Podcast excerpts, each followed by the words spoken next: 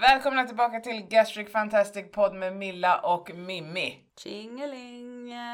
Tjingeling. Glad första advent Milla! Glad första advent Mimi! Merry Christmas! Nej inte än. Jaha, Lugn. okej.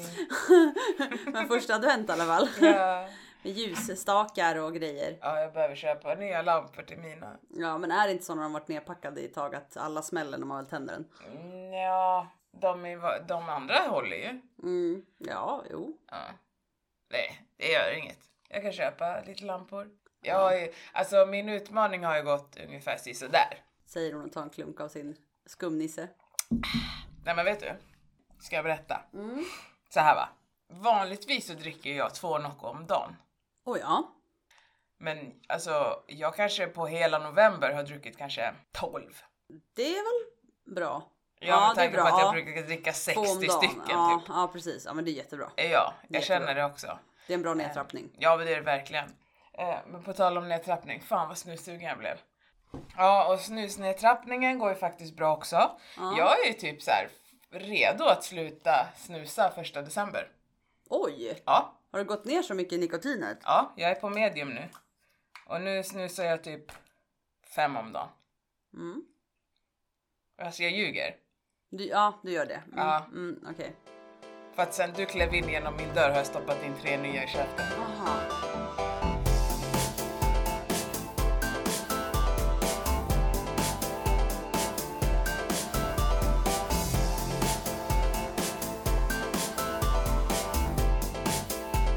Åh, jag ska göra pudel. Het- Visst hette det så? Ja, det är en pudel. Ehm, jag fick lite skäll. Det är inte alla i min närhet just nu som kallar mig Milla. Jag har några stycken som faktiskt kallar mig vid mitt fullständiga namn. Några av mina närmsta vänner som har känt mig sedan ungdomen så att säga. De kallar mig fortfarande vid mitt fullständiga namn. Så att eh, jag tar tillbaka mitt påstående. Sluta, jag försöker. men grejen är att... Nej men sluta Milla! Hon kommer aldrig till saken. Och det här är inte bara i Det här, podden. det här är för att jag har druckit Nocco. Det kittlas i min mage. Det är så att hon är full. typ så. Men så här va. Att jag tycker att just nu, eller ett tag, en stund, så har det... Milla jag försöker verkligen. Åh gud, okej. Ja. Men det är ju så här. Att, att rasa i vikt efter en operation gjorde ju jag. För Precis. vi har lite olika erfarenhet av Ja, vi har ju precis och därför tänkte vi att vi pratar om det för att vi är ändå två. Det, är det har inte gått likadant för oss båda. Nej. Att vi har lite olika erfarenheter av hur, hur vår viktresa har sett ut. Mm. Och jag eh, opererade ju mig 2019. Precis och jag är nästan exakt ett år efter dig. Ja. Mm. Om man ska tänka tidigare till, till olika liksom dieter och sånt här som man har haft. Eh, så vet jag ju, alltså jag tänker till exempel när jag körde eh, med eh, alltså PT och kostrådgivare. Och jag kommer ihåg att hon sa det att du kommer, det, det kommer vara jobbigt den första månaden för dig. För att du kommer, du kommer känna att du äter fett men du kommer inte se någonting. Alltså Ja. din kropp har gått in i svältläge. Mm. Och det kan vara att du börjar lukta aceton i munnen, du blir liksom alltså dehydrated, du blir, du, du blir uttorkad. Så när du hamnar i det läget, som många också kan hamna i under flyt, Mm. att det är jätteviktigt att dricka. Ja, Fortsätta dricka vatten och vätska. Mm. Eh, för att det, när du börjar lukta aceton i käften, det är din kropp är typ såhär alert, alert, we are fucking starving. Ja verkligen. Ja. Mm.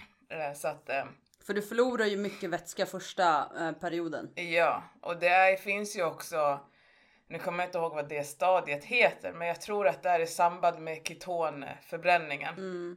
Eller när du kommer in i det så kan du ju hamna i ett sånt här euforiskt läge, alltså där du känner dig hög. Mm. Jag hamnade ju i det, eh, om det var en vecka innan operation. Ja. Alltså det, allting var, det var ju som att jag var helt jävla, jag bara "Det här fucking life, jag bara I see colors. Alltså jag tänker ju så här att en människa kan ju leva väldigt, väldigt, väldigt länge på typ lite vätska och salter.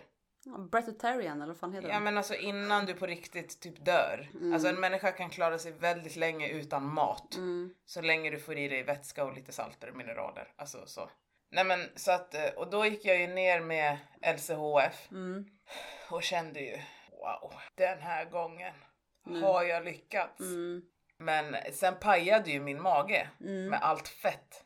Lyckliga gatan gjorde jag en gastric bypass och woof sa det för mig. Ja. En vecka efter operation så kommer jag ihåg att jag sa att mina byxor, var, jag behövde köpa nya byxor. Oj. Mm. Det gick fort alltså. Det är det som är så sjukt att det kan alltså vara så olika för olika människor. Jag menar som du säger bara fuff och sen så bara borta. Mm.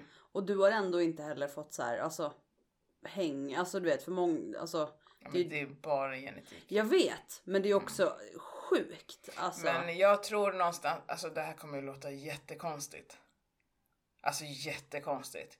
Men jag var ju proportionerligt fet också. Och det som jag fick mest sagt det var ju ofta av män såhär, ja ah, men din mage, dina tuttar är större än din mage så att det är fortfarande nice. Typ. Jag var såhär, ja ah, men din kuk är mindre än dina bollar så I don't give a shit. Men i alla fall.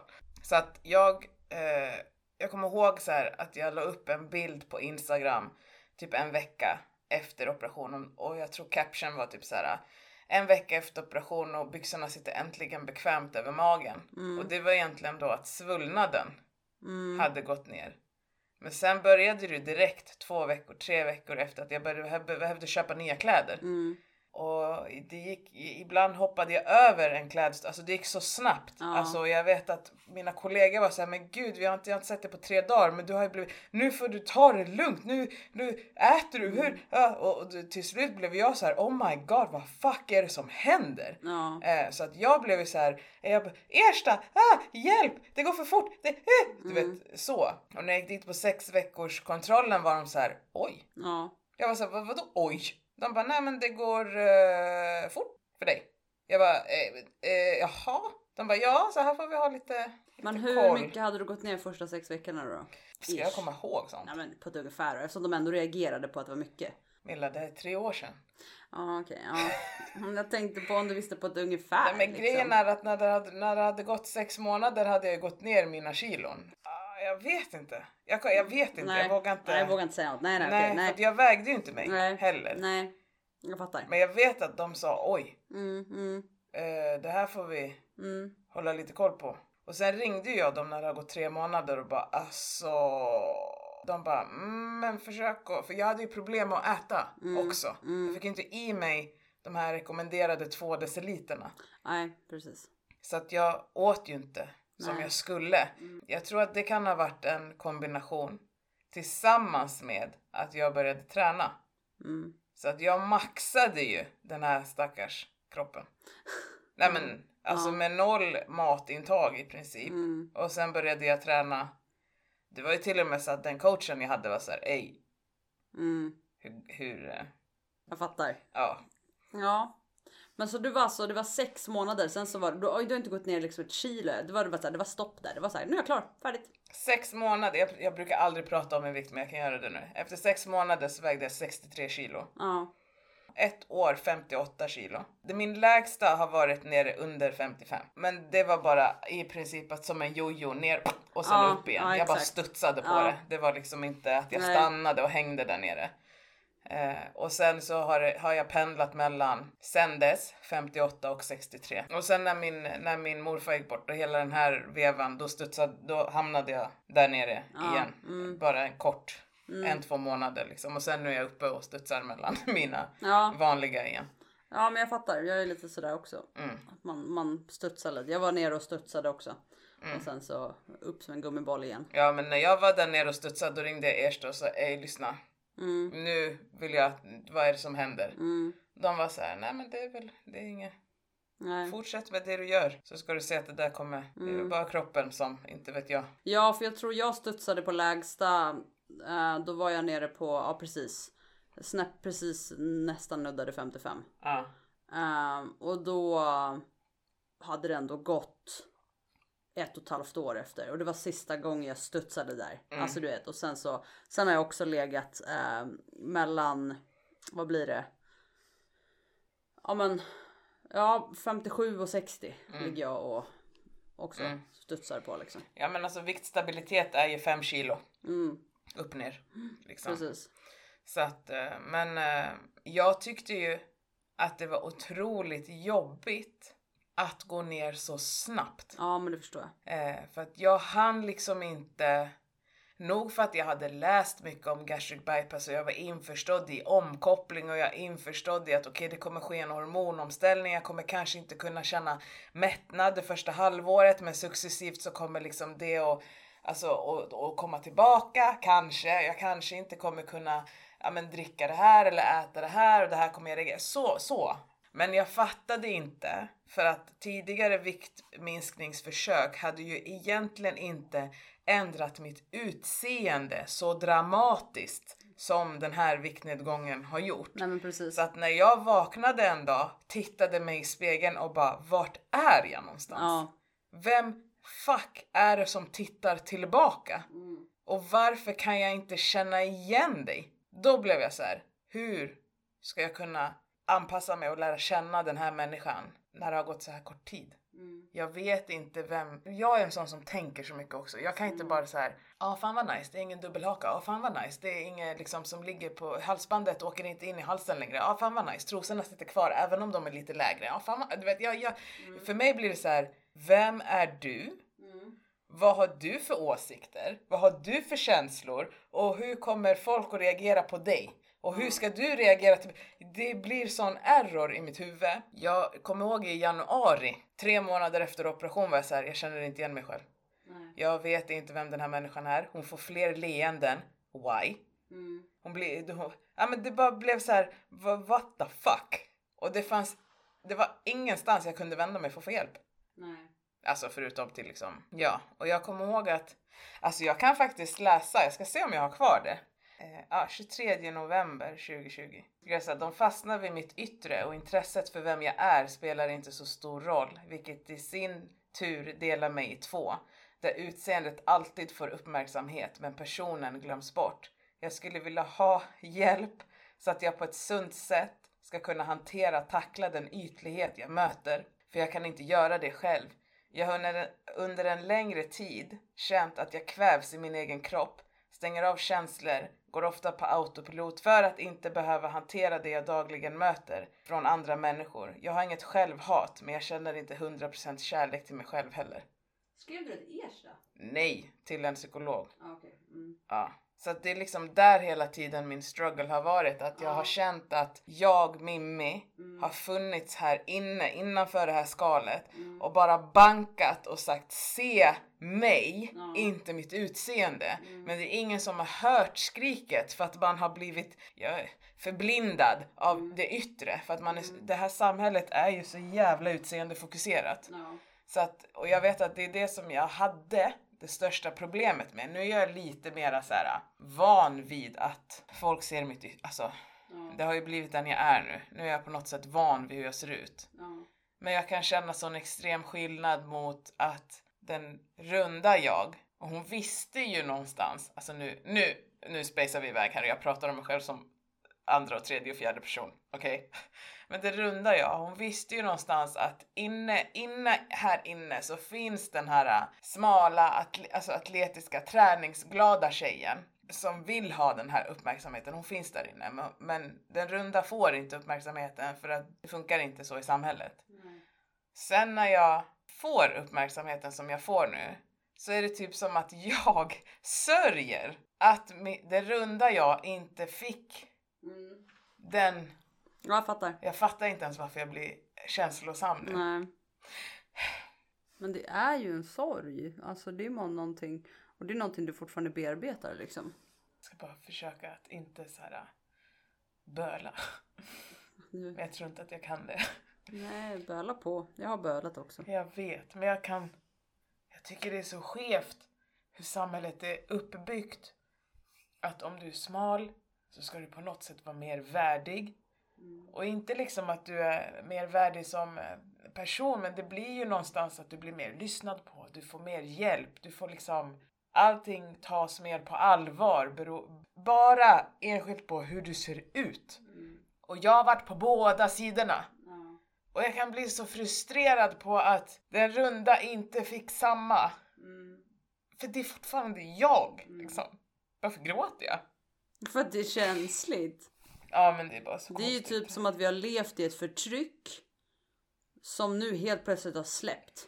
Ja och, Och jag, vi ska anpassa oss efter att bara säga vänta nu, jaha, är vi inte, vad- jag har levt förtryck större delen av mitt liv, vad då? Är jag accepterad nu?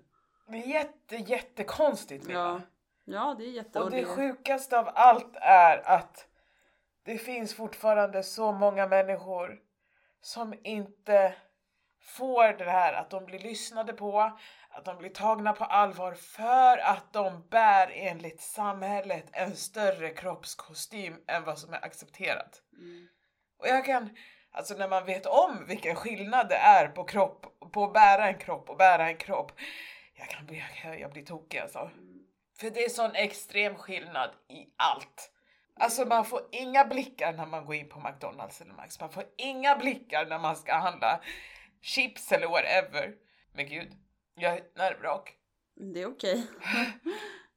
Nej men och sen i vården, och vi pratade ju lite, men jag klippte bort det, men vi pratade ju lite om det här äh, som med vården att de går ju på medicin. Så de bockar av vad som kan vara orsaken till dina problem. Och kommer du in och har BMI över 40 så kan vikten vara en av orsakerna. Problemet är ju att de aldrig följer upp, var det vikten eller inte, utan du får bara slängt i ditt ansikte. Har du funderat på vikten? Hur är det? Jag, jag, varför kan jag inte andas? Så, jag var på väg att få, vänta, lugnt. panikattack här nu. Ja. Andas in genom näsan och ut genom munnen. Pausa Mimmi så tar vi en paus. Nu mår jag mycket bättre. Eh, jag behöver i en stund att inte prata. Ja, nej men okej. Nu blir det, nu blir det om mig folket. Nu blir det om mig. Hurra, hurra! Nej men alltså eh, som, som många andra och de flesta har ju jag också bantat till och från eh, under hela mitt liv. Gått på de flesta dieter. Men eh, den eh, som jag gjorde största viktnedgången, du gick jag ner 30 kilo. Ungefär som dig då. Men jag eh, tränade ju då eh, ungefär sex gånger i veckan. Eh, jag eh, var väldigt strikt med vad jag åt. Eh, och unnade jag mig, som vi så fint använder, eller åt någonting som var lite extra fett, typ hamburgare eller något. Då gick jag till gymmet antingen direkt efter eller dagen efter. Det var ju såhär, cheat day, means gym tomorrow, typ. Så, eh, och jag taggade typ allt. Du vet, hashtag cheat day, training tomorrow. Alltså du vet, nej men alltså man var ju så sjuklig egentligen. Eh, men, eh, och då gick jag ner 30 kilo på, alltså det tog väl kanske ett halvår. Ehm, men det var, det var brutalt alltså. Jag levde ju på gymmet. Och jag vägde mig bara. Jag hade ingen våg hemma. För det hade jag bestämt att jag inte skulle ha. Så att jag vägde mig bara när jag var hemma hos min farfar. Vilket var typ en gång i veckan. Ehm, så, men sen så när man börjar leva igen. Som vanligt. Och känner att sex dagar i veckan kanske är lite väl att ta i. Och jag vill kunna äta vad jag vill och inte vara så strikt. Så, så gick jag upp dem där. Och lite till. Igen. Ehm, så Gick det snabbt att gå upp dem? jag eh, var i ett förhållande innan och då gick jag upp lite grann. Ett år innan det började stegra ordentligt igen. Ehm, för jag försökte hålla i träningen och sådär men det, det gick sådär liksom. Vilket gör livet, alltså livet hamnar emellan. Men sen så eh, som jag sagt förut var en, en vän till mig som opererade sig med en gastric sleeve och eh, fick upp, jag fick upp ögonen då och sen så min, min resa var ändå så här, jag gick två veckor på flyt. Jag hade ingen viktmål. Eh, och fick inte några hallucinationer som du fick. jag såg inte colors. Eh, men, men det var lättare såklart. Jag var ju fortfarande så det var mycket lättare. Alltså jag brukar säga när folk skriver till mig hur var det och sådär. Jag bara dag typ fem är ju värst. Fyra, fem är värst på flyt i början. Sen så, sen så går det över. Eh, och sen var det ganska lugnt. Eh, det var någon gång jag ville tackla Mackan för att han stekte kött i köket. Jag var på väg att tackla honom, ta köttet och springa för mitt liv. Det var alltså, det var verkligen, jag hade verkligen känslan i mig. Jag var nu, nu ska jag ha den där köttbiten. Men sen opererades jag och jag har ju ändå haft en ganska eh, hyfsat jämn viktnedgång eh, i ganska lugnt tempo. Jag kollade lite, första tre månaderna efter operation så gick jag ner cirka 5 kilo i månaden.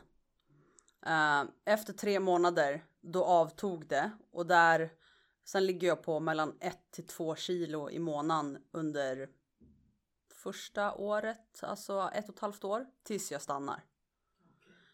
Um, så att det, alltså om man säger till sommaren, ja precis till sommaren efter, det är ju typ ett halvår. Då började det istället för ett till två så vart det ett. Och sen så. Kilo alltså? Ja, mm. i månaden. Så att jag hostade ju bara ut något liksom hela tiden. Det var aldrig det här, ja det var ju första tre månaderna, fem kilo i månaden är mycket liksom. Uh, men sen så bara har jag haft en platå på nästan en månad så har du ju då i slutet på månaden hostat ut två kilo. Okay. Alltså du vet så som att jaha okej okay. och så har jag fortfarande gått ner då ett till två kilo den månaden. Så att um, jag har inte haft långa platåer. Jag vet att vissa har ju så här flera månader liksom. Det har inte hänt, men uh, ett par veckor har jag haft. Uh, och sen har jag precis, jag har varit viktstabil ungefär ett och ett halvt år och då stannade jag. Och det var som dig innan, min lägsta vikt var 55 ungefär. Mm. Och sen så har jag, eh, där, ja, och där var jag också bara nere och touchade. Det var en snudd, typ en dag. Sen så har jag legat på, ja vad sa jag, 57, 60 typ. Mm. Där någonstans har jag legat och, och tryckt och det, det känns okej okay, liksom. Men jag fick ju ett hysteriskt sammanbrott, jag vet. Jag ska inte ljuga i podden och jag ska inte dra en pudel heller. Jag har fått panik när jag tippar 60. Det var ju då jag fick, fick okay. mitt gråtanfall. Eh, så. Då var jag och touchade nästan 61. Ja, det är upp över, över den siffran som du får. Ja, och grejen alltså, det är så sjukt för att innan när jag gjorde den här resan så var det så här, men jag är nöjd vid 65-70 liksom. Mm. Uh, och jag vet att Ersta sa om det blir 70, närmare 70 och inte 65, för det är där ungefär 30% ligger. Skulle det vara okej? Okay? Jag bara det är helt okej. Okay. Jag bara för att när jag tränade som mest och var som liksom så pendlade jag mellan 65 och 70. Mm. Men jag hade ju sjukt mycket muskler också. Men ehm, så jag bara det känns helt okej. Okay. Så därför blir det så skevt i mitt huvud att jag har för att 65-70 det är långt dit. Men nu får jag panik över att hamna på 60 liksom. Uh, men uh, ja, så det men det är ju mina egna hjärnspöken. Nu har det blivit lite bättre. Det är ju förmodligen mina perioder också. Jag är ju väldigt, jag är väldigt stress, stressig nu. Uh, stressen är påtaglig och det gör väl inte saken bättre. Liksom. Nej, alltså stress är ju en väldigt stor och bidragande faktor till väldigt mycket hälso hälsoorsaker. Ja. Kan man säga så? För jag vill inte kalla det för problem. Nej. Men alltså är du stressad så sover du dåligt. Ja. Sover du dåligt så fuckas din ämnesomsättning typ. Ja, och så äter du dåligt. Och du äter dåligt och du kanske väljer det som ger dig snabb energi och kick. Mm. Istället för att stå och laga mat i 45, 30-45 minuter. Precis. Så att lång, alltså stress, stress så, mm. är inte farligt. Nej. Långvarig stress mm. är fucked. Ja, nej men precis. Och jag, den, just den perioden när jag, när jag hade panik då, då var jag ju jättestressad. Mm. Alltså allting, jag hade ju börjat på jobbet igen, alltså allting var ju bara kaos upp och ner. Så att det var inte så jävla konstigt liksom egentligen, men då var det ju som att jorden gick under nästan kändes som. Alltså allting var åt helvete liksom. Uh, men uh, nej, men så att efter det så har jag liksom nu. Jag har, har inte haft så jättes, alltså jag har ju haft problem med maten i början när jag opererades var ju mest där hur många gånger jag skulle äta per dag. För jag tyckte det var för mycket. För att jag var en sån människa, människa som åt en gång om dagen. Um, till att jag skulle äta sex gånger om dagen. För mig kändes som att hur ska jag gå ner i vikt? Eller du vet så här, för att jag äter, det enda jag gör är äter. Konstant. Det känns som att jag tuggar, det är som en kossa som jag idisslar. Det bara tuggar, tuggar, tuggar, tuggar. Så, så nu ska jag tugga igen. Typ. Nu. Ja, men, lite den.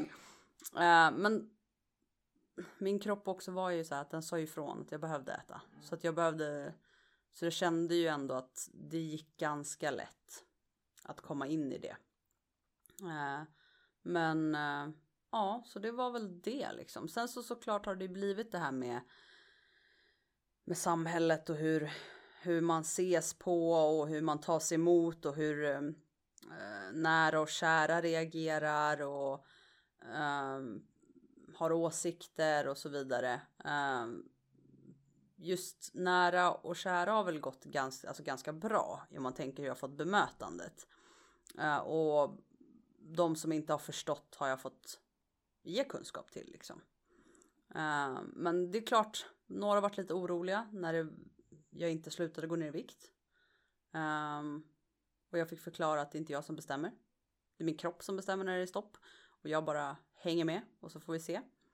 Um, typ som att någons åsikt nu räcker det och kroppen bara ja men det, det, dig ska jag lyssna på. Ja men typ liksom lite så uh, och att jag började se lite sjuk ut och det, det vart ju i början, alltså eller i början när innan jag började bygga muskler ordentligt och kände att alltså kroppen började så, så så började jag ju själv så alltså jag var lite blek, jag lite mörkare påsar under ögonen, du vet kroppen kämpade ju den var på väg att dö.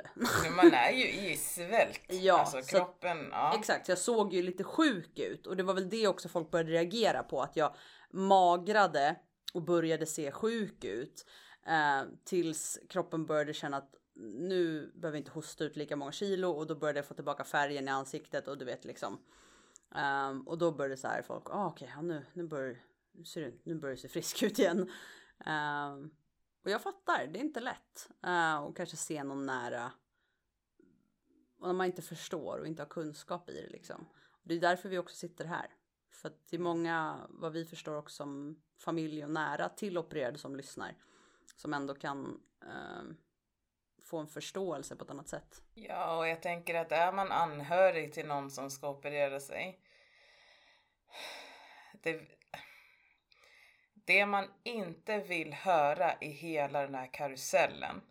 För man är någonstans överlycklig att äntligen få bli av med kilorna. Och det man inte vill höra då är skuldbeläggningen åt andra hållet. Det räcker nu. Nu ska du inte gå ner mer. Äter du verkligen? Mår du bra? Man vill inte höra den skiten. Nej. För det man har hört innan är nej men nu räcker det. Nu har du ätit tillräckligt. Och sen också den här kommentaren som kan bli åt andra hållet för att även man skojar så här. Men oj vad du äter hela tiden. För att många och som, som har gjort kanske den här operationen kan också ha pro, alltså ätstörningsproblematik. Ja. Och då vill man absolut inte höra, ha ska du äta igen? Eller oj vad du äter ofta. Eh, du, nej. Nej, jag, jag, den, just den här oj ska du äta igen? Ja. Jag vet att Speciellt, alltså nu gick det väldigt fort för mig att gå ner och bli liten i kroppen. Mm. Men de första typ tre månaderna när folk sa så till mig, ska du äta igen? Jag kände ju fort, jag var ju fortfarande alltså rund. Mm. Och jag kände så här, jag kanske, jag kanske kan hoppa över och mm. äta nu eftersom jag, men det kunde jag ju inte. Nej. Men just den här att, att ha fått höra tidigare, nu räcker det. Du behöver inte ta en portion till. Ska du verkligen äta det där? Nej men inte bara det, alltså jag tänker så när jag var alltså, liten också. Mm. Nej med dig, nu har du tagit två portioner, det räcker nu. Alltså, så, ja men ja, jag kan fattar. jag få äta på kvällsmackan? Nej, vi har ätit middag, det är dags att gå och lägga sig. Mm. Och det är så, här, så smyger man upp och dricker ur filmjölkspaketet för att magen gör ont. Ja. Liksom. Eh, så att att få höra den sen som vuxen där det är mm. jag som bestämmer över mitt matintag. Mm. Så här, ska du äta igen? Åt inte du precis? Alltså du vet, jag behöver Håll käften! Det är en jättetriggande kommentar. Ja. Eh, för, alltså, för oss som har då haft och, har och fortfarande bearbetar ätstörningar. En, mm, en bättre kommentar är Behöver du äta? Det var ett tag sedan. Exakt, för den är mer så åh tack, och just ja. det, vad fan är klockan? Exakt. Liksom. Precis, var mer engagerad i personens resa och veta att ja, då, då, det är tre timmar emellan. Mm. Eh, för i början kan det vara för den som är opererad, det kan vara, det kan vara svårt att hålla reda på tiden, man kan, eh, man, man, är inte van och vad då istället den personen som kanske så här Nej men du hörru, nu har det nog gått tre timmar. Ska, du behöver nog äta lite. Hjälp till att vara Skalmans matklocka. Precis, liksom. hjälp till istället för att eh, vända bort ryggen. För att alltså, man behöver all hjälp man kan få. Och ett fint stöttande i hemmet av sambo eller av vad som helst av en partner eller familj är ju bara ännu skönare för då känns det som att man inte är ensam i hela den här karusellen som både handlar om den känslomässiga biten, den fysiska biten, sam, alltså du vet, all, hela den här karusellen snurrar runt den och att någon bara kliver in i den karusellen och säger kom, ta min hand så gör vi det här tillsammans. Alltså du vet, mm, jag tror inte ni förstår hur, hur skönt det är.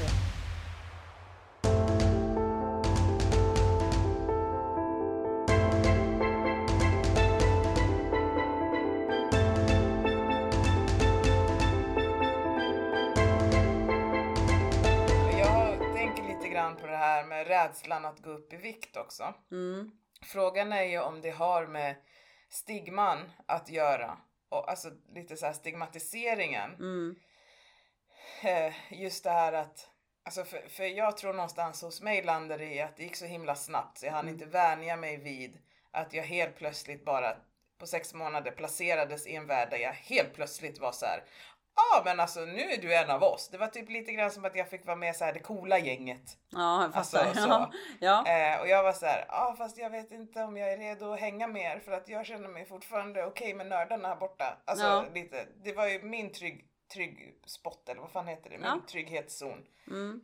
Med att jag visste vad jag skulle få för bemötande, hur jag behövde liksom Mm. agera eller tänka på att men nu ska du eh, behöva ha det här som argument om du ska säga det här Mimmi. Du måste tänka på liksom, man hade ju allting förberett i huvudet. Du Ja. hade konversationerna klara. Får jag det här sagt till mig så svarar jag så här. Får jag det här sagt till mig då svarar jag så här. Ja. Och helt plötsligt var det så här, hur fuck svarar jag nu? För det var ju inget av det här som sades till mig. Nej. Ehm, och jag tänker med det här rädslan med, som har varit för mig med att eh, gå upp är ju då den här eh, rädslan för att hamna i stigmatiseringen igen. Där man, där man då inte ser mig som person utan man ser min kropp.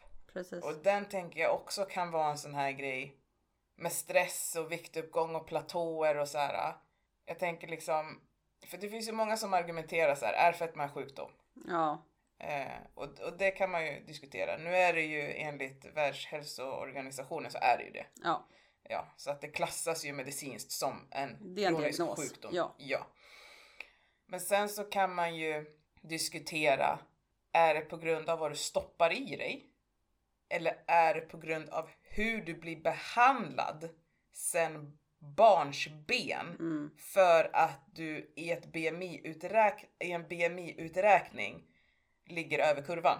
Ja. För att jag, alltså, om man, om man ska dra det bara krasst. Du föds, du hamnar i ett system, du ska följa en kurva. Ja. När du inte kan göra något annat än att lokalisera en bröstvårta Nej, precis. så ska du följa en kurva. Är du över den kurvan så blir föräldrarna direkt så här.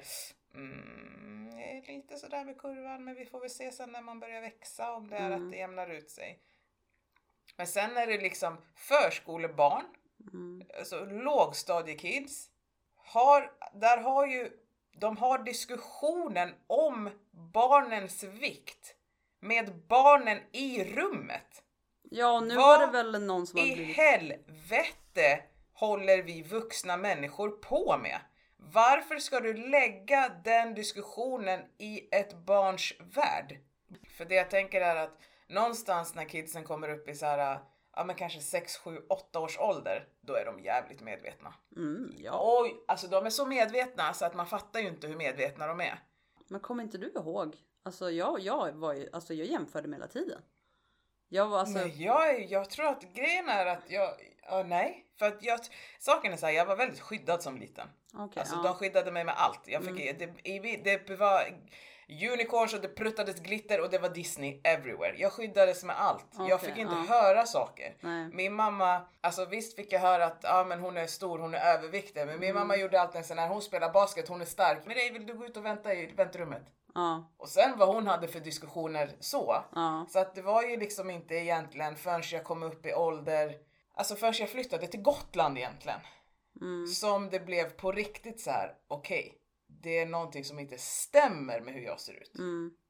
Jag var inte skyddad som, som du. Mm. Så jag tror att jag varit medveten om eh, mig själv och, och, och grejen att jag det blir sån skev bild för jag tror att jag, jag sitter så här, du vet, men jag korsar armarna framför magen på de första skolfotorna. Jag vet varför jag sitter så. Eller så sitter jag och håller om mig själv som att jag kramar mig själv. Jag vet varför jag sitter så. Problemet är att jag är ett ganska normalt stort barn. Mm. Det, men jag, det är liksom redan där och då tänker jag, ja då har jag börjat skolan. Jag är 6-7 år Mm. och redan försöker dölja om jag har eventuellt en valk när jag sitter ner. Ehm, så att jag är ju istället extremt medveten om hur jag ser ut. Uh, och sen fick jag ju också bröst ganska tidigt. Mm. Eh, vilket också vart ju... Alltså jag har ju varit mobbad sedan jag började skolan. Eh, så att jag har ju alltid varit medveten om allting. Alltså jag fick ju bröst kanske lite före andra, jag fick lite kurvor innan. Alltså du vet, och då vart det ju också en grej. Då var det ju, alltså för att barn är barn. Eh, men så att jag, jag har varit åt andra hållet istället. Jag har ju sett allt som kanske inte ens var sant. För jag kan bli så ledsen när jag ser skolfoton när jag är sex år gammal. Jag har, du vet, när jag har kollat på dem förut så är det så okej okay, jag är det stora barnet av alla. Men nu när jag tittar så blir det så här, "Mm, nej. Jag, jag har exakt samma. Vi, jag ligger i samma kurva som hela klassen. Men det, det är något annat jag fått sagt till mig. Som jag har trott på. Nej men för jag var ju skyddad om man tänker vård. Ja, Men i skolan så var jag ju tjock. ja, Alltså så. mm, Men jag satt inte med. Och jag, min mamma, som jag minns det, tillät inte de prata om min vikt framför mig i vården. nej, Som man gör idag. Liksom. Men i skolan var jag ju fortfarande tjock. Alltså tjockisen. Det var inget konstigt. Ja, jag tror jag. Där, och det kanske också var skyddad för jag kommer inte ihåg att jag någon gång har varit med på någon sån här alltså BVC vårdcentral. Nej, man alltså, du vet. vägdes, mättes och sen sa min mamma gå ut. Ja. Om det började pratas liksom om du kan gå ut i väntrummet. Ja, för jag tänker också skolsyster. Ja, ja, ja. Så var det inte. Ja, Skolsyrran sa till mig någon gång att jag var tjock liksom. Eh, men eh, jag vill minnas att om jag berättade det för min syster eller om jag berättade det för min morsa och de gick dit och gjorde en... de gjorde pannkaka av den. Nej, Nej men grejen är att det är inte okej. det är inte okej. Och jag tror någonstans, det var det jag försökte komma fram till att vad beror fettman på? Mm, Är det det du fysiskt stoppar i munnen? Eller är det det som du blir matad med från att du kläcks, höll jag på att säga, men från att du föds. Du sätts i ett system där du ska anpassas till att bli liksom norm. ja, norm. Ja, men jag, Och jag bli- tror att ja, det är det. Jag och tror att det är du, hamnar du inte där så får du väldigt tidig ålder berättat för dig att du inte passar in, vilket gör att du blir stressad. Och med det så försöker du också möta idealen du ser på TV, som du läser om i böcker, som det liksom allting som det pratas om. Och i idrotten så blir du ganska snabbt, du får sagt till dig ganska snabbt att ja, men du om någon måste ju börja träna. Du måste tänka på vad du äter. Och då är det så här, att skapa den liksom eh, vikthetsen i så unga hjärnor följer ju sen med upp i åldern när man på riktigt då börjar betala för Viktväktarna, man börjar betala för Herbalife, man börjar betala för allt sånt här jävla skit. Man kollar på okej den där boken släpptes och hon har ju gått ner och hon har gått sig smal och hon lyckades gå ner 30 kilo och Biggest Loser och bla bla bla bla bla bla bla. Och sen när man är ju igång så någonstans det här med att folk säger att du kan inte banta dig tjock. Jag fa- alltså man måste ju förstå vad man pratar om när man säger att du bantar dig tjock. Det handlar ju inte om att du bantar och sen blir du tjock. Det handlar ju om att du börjar få den här äh, synen på att om du inte är smal är du inte duglig nog. Och, och det sättet som man har lärt sig att jag kommer gå ner i vikt på är att banta. Vilket gör att under tiden du försöker bli smal så skapar du ofta och då pratar vi om de som inte behöver gå ner 5 kilo för att de har en övervikt utan vi pratar om de som har fått sagt till sig att om du går ner 20-30 30, ja. kilo så kommer ditt problem med knät försvinna. Och sättet du då går ner de här kilorna på är inte långsiktigt med en livsstilsomställning utan du hoppar på bantningen. Mm. Vilket blir fel. För det är fel sätt att gå ner dem. Men det är ingen som... Det, det- och det är här också, nu är jag igång Milla. Här behöver ju vården på riktigt gå in och förstå att du måste prata om livsstilsomställning, livsstilsförändring, långsiktighet. Och inte bara som när jag, för, för när jag blev erbjuden första gången så sa jag nej till gastric bypass och då sa de okej men vi ska hjälpa dig. Och då fick jag gå och prata med dietist och det hon i princip sa var så här. Ja men eh, om du byter ut eh, smöret till olivolja men du skulle kunna äta mer bra fetter, lax, avokado. Eh, och så kan du dricka lätt, eller köpa lätta mejeriprodukter om du köper några. Vi ses om en månad då. Va? Va? Va? Va?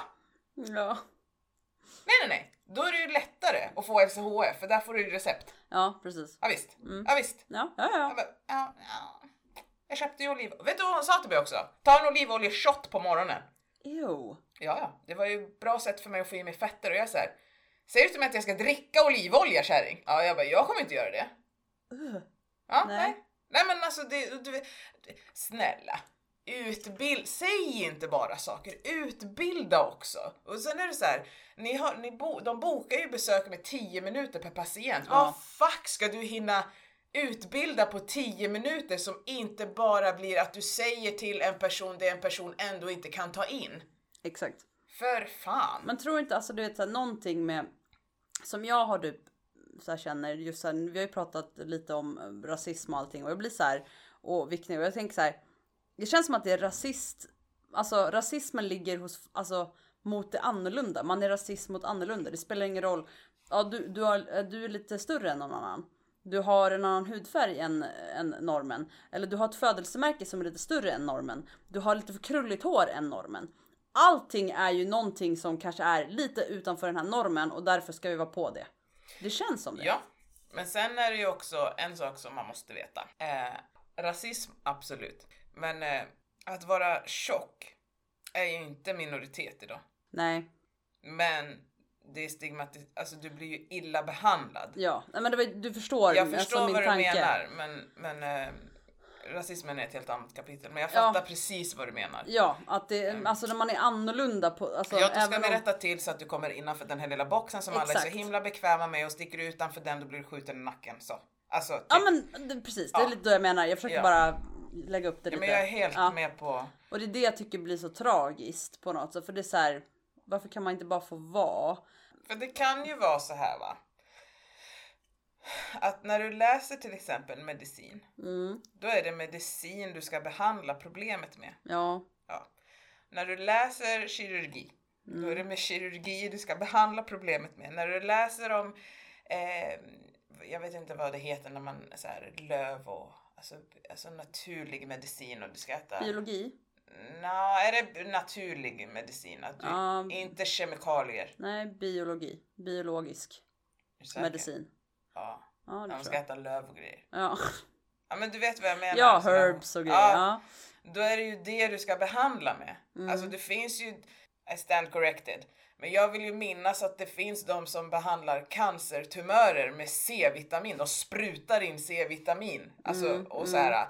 Du behöver inte kemo, det går bra med C-vitamin bara. Alltså, Mm. Så det som du är specialist på, det är ju där du väljer att behandla Ja. på, med just det. Och någonstans i den här världen så är vi ju så styrda av pengar. Mm. Och en grej som jag tror är en av anledningarna till att den här normen är så som den är, är ju för att det är svårt att vara smal. Mm. På ett sätt. Mm. Om du inte har det genetiskt. Mm. För kroppen, vi människor är gjorda med evolution för att lagra fett. Mm. För att vi ska överleva tider med mindre mat. Idag, vi har pratat om det här tidigare men det tåls att upprepas. Idag har vi mat fucking everywhere. Ja, Jag kan ta upp min telefon och ha mat här utanför dörren om 25 minuter. ja, Jag behöver inte anstränga mig för att få kalorier. nej, Men det vet ju inte min kropp om. nej, Så att i hela den här grejen Mm. så kan du ju tjäna också så jävla mycket pengar på att folk inte är smala. ja, Så att du vill att folk ska vara smala för att någonstans så säger man då att då är du mer hälsosam, du kommer leva längre och du kostar inte samhället någonting. Exakt. Men du pumpar ut processerad mat ja, som triggar belöningssystem, som skapar eufori, som skapar känsla, gemenskap. Du bara pumpar ut det Mm. och så säger det ah, ah, ah, inte äta. Exakt. Och det kan också bli framkört i dörren så du behöver inte röra dig utanför Nej, dörren. och det är det som jag, alltså när man börjar tänka på det så är det verkligen så här. Men om ni på riktigt, på riktigt nu, ser det här som ett hälso, alltså en hälsofara för Mm. människor. Ge mig en ko då.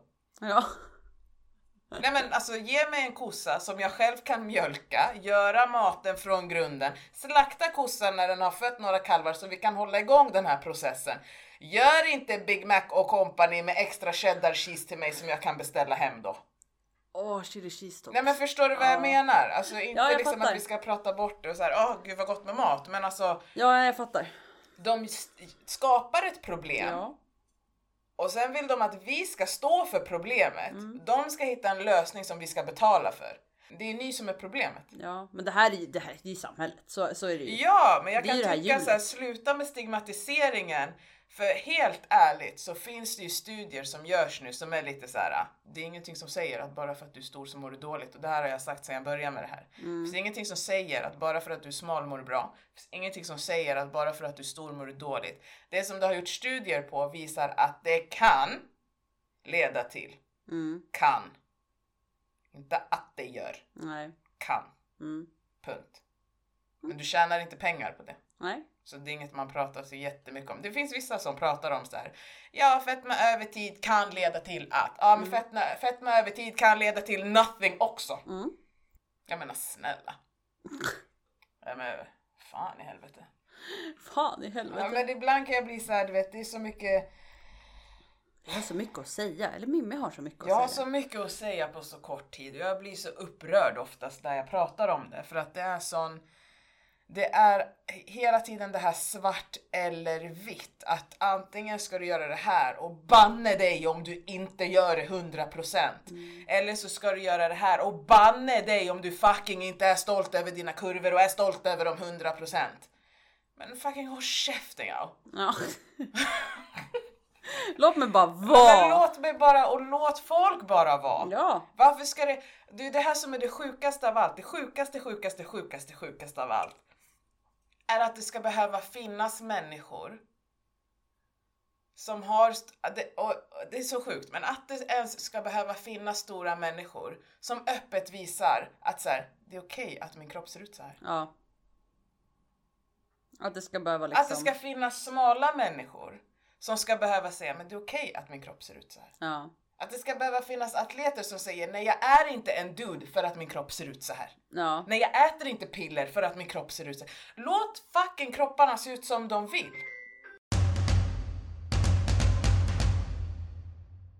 Ja. Så att... Eh, men fan bra snack Milla. Ja men verkligen. Ja.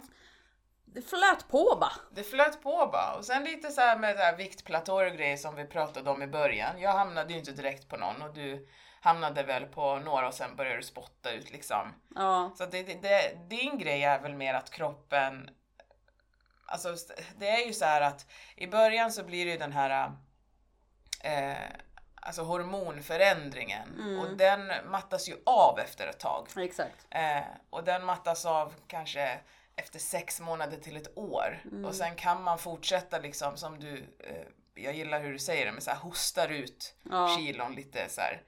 Eh, det som man ska komma ihåg när det händer och när man hamnar på viktplatåer, för det, det finns ju lite olika, eh, alltså vad ska man säga då?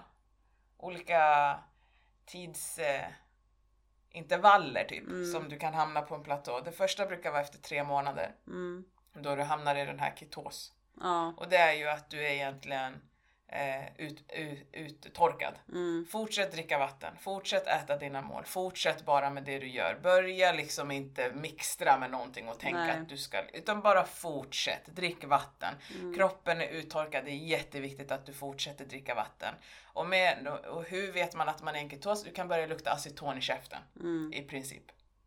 Lite så, så det är jätteviktigt att fortsätta dricka vatten. Eh, och nästa viktplatå brukar komma runt så tre månader. Mm. Eh, och det är också det här att den hormonella omställningen som är i kroppen börjar mattas av lite grann. För det är ju en, när du opererar dig så blir det en hormonell omställning. Du får andra signaler som skickas från tarmar och liksom system upp till Ja hjärnan. precis. Eh, och den börjar, de har ju sett nu att den kan börja avta, den är inte lika stark. Eh, och då handlar det inte heller om att du ska kickstarta någonting, för inte, din kropp är inte en motor som du behöver kickstarta. Utan din kropp sköter sig själv. Det du behöver tänka på att göra är att fortsätta med de rutinerna som du har satt. Fortsätt med, dina, med ditt matintag, fortsätt med ditt vätskeintag, fortsätt ta dina vitaminer, fortsätt med den träning eller motion du har börjat med. Du behöver inte kickstarta någonting men du ska inte heller sluta med någonting. Behöver du rapa? Ja, jag gjorde det. Ja, fattar. Eh, så att fortsätt bara och sen när du kommer till så sex månader till ett år om du känner så här, nej men vad fuck, då får du väl stanna upp och titta så här, har jag, har jag slutat med någonting? Har jag slutat med motionen? Har jag slutat med träningen? Har jag slutat äta mina mål regelbundet? Har- Vad har jag lagt till i min kost? Högprocesserad mat, en, ett mål varje dag. Okej, vad gjorde jag innan? För en liksom, matdagbok då, där du skriver upp i början vad du äter och inte. För då kan du det ganska bra gå tillbaka och titta så här, men här mådde jag bra, här gick det bra, men jag hade mitt fokus med träning, med måltider, med vad jag åt. Okej, vad åt jag och vad äter Du har ju svart på vitt då. Vad åt jag? Vad äter jag nu? Och det handlar inte om hur mycket åt jag, hur mycket äter jag nu, utan vad åt jag? Men sen, ja för jag tänker också, sen kan det ju vara så också efter mellan sex månader och ett eh, år där som du sa. Eh, För jag menar, du var ju klar. Och det kanske vissa är också. Så det behöver inte vara en platå. Det kan också vara att det, det, din kropp känner sig Ja! färdig. som- Viktmässigt Ja, ja. så att man ska inte heller bli så ja ah, men eh, för att så här, jag har inte nått eh, normalt BMI eller jag har inte nått så här, nej men din kropp kanske har känt nu att det här, det där, här mår jag bra. ja. Eh, Så man ska ju inte hetsa åt något av hållen heller för då kan, alltså, för det kan vara så att det, det, det, det, det är bra nu. Ja, men absolut. Där, runt den tiden, bort med vågen, fram med måttbandet. För att jag gick inte ner i vikt, men min kropp formades Ja fortfarande. exakt, exakt. Så att jag menar, jag hade inte, om man nu ska säga mina abs, mina magrutor, jag hade inte dem då. Nej. De kom senare, men jag stod fortfarande på samma vikt. Mm. Så att även om du inte rör dig på vågen så händer det så otroligt mycket i kroppen. Exakt. Så att bort med den där våghelvetet Ja, och fram med måttbandet. Och Mm. bara låt dig njuta av vad du kan göra, vad du orkar göra, vad du inte behöver ta för mediciner eller vad du inte behöver ha för krämpor längre. Se det som en... Se behandlingen, vad har behandlingen gjort för dig? ja. Se det positiva i det, inte vad du inte än kan. Fortsätt Simma, fortsätt. Ja men alltså verkligen så. Så att, eh, ja men lite så. Men jag tycker att det, det är bra snack alltså. Idag, det, och min panik, jag tror att det hade nog med Noccon att göra. Som du sa. Mm, det kan vara. Precis. Och lite känslor på utsidan. Ja, jag är väldigt känslosam nu med. Herregud, det är bra att jag ska till min terapeut imorgon. Ja Ska jag berätta att jag fick en panikattack Ja. i början till henne i alla fall. För det bara krympte i halsen. Ja. Alltså jag känner lite nu också när jag pratar mycket att det är så här stramar, att jag kanske, vi måste avsluta. Ja. Vi, vi, vi gör så Ja. helt enkelt. Så glad första advent alla ni som lyssnar, gosisar. Ja, När ni lyssnar på det här så är vi halvvägs in till andra advent. ja precis. Ja. Så Merry Christmas! And a happy new year! Det är inte ens december än. Nej, Nej, nej. okej. Ja, men tack för att ni har lyssnat och som alltid in på våran Instagram och snacka med oss i kommentarerna liksom. Det är himla trevligt när ni gör det. Ja, precis. Ja. Och med det så får vi väl önska alla en fortsatt trevlig kväll, helg, Ja, dag. dag. Ha det bra! Hej. Hej.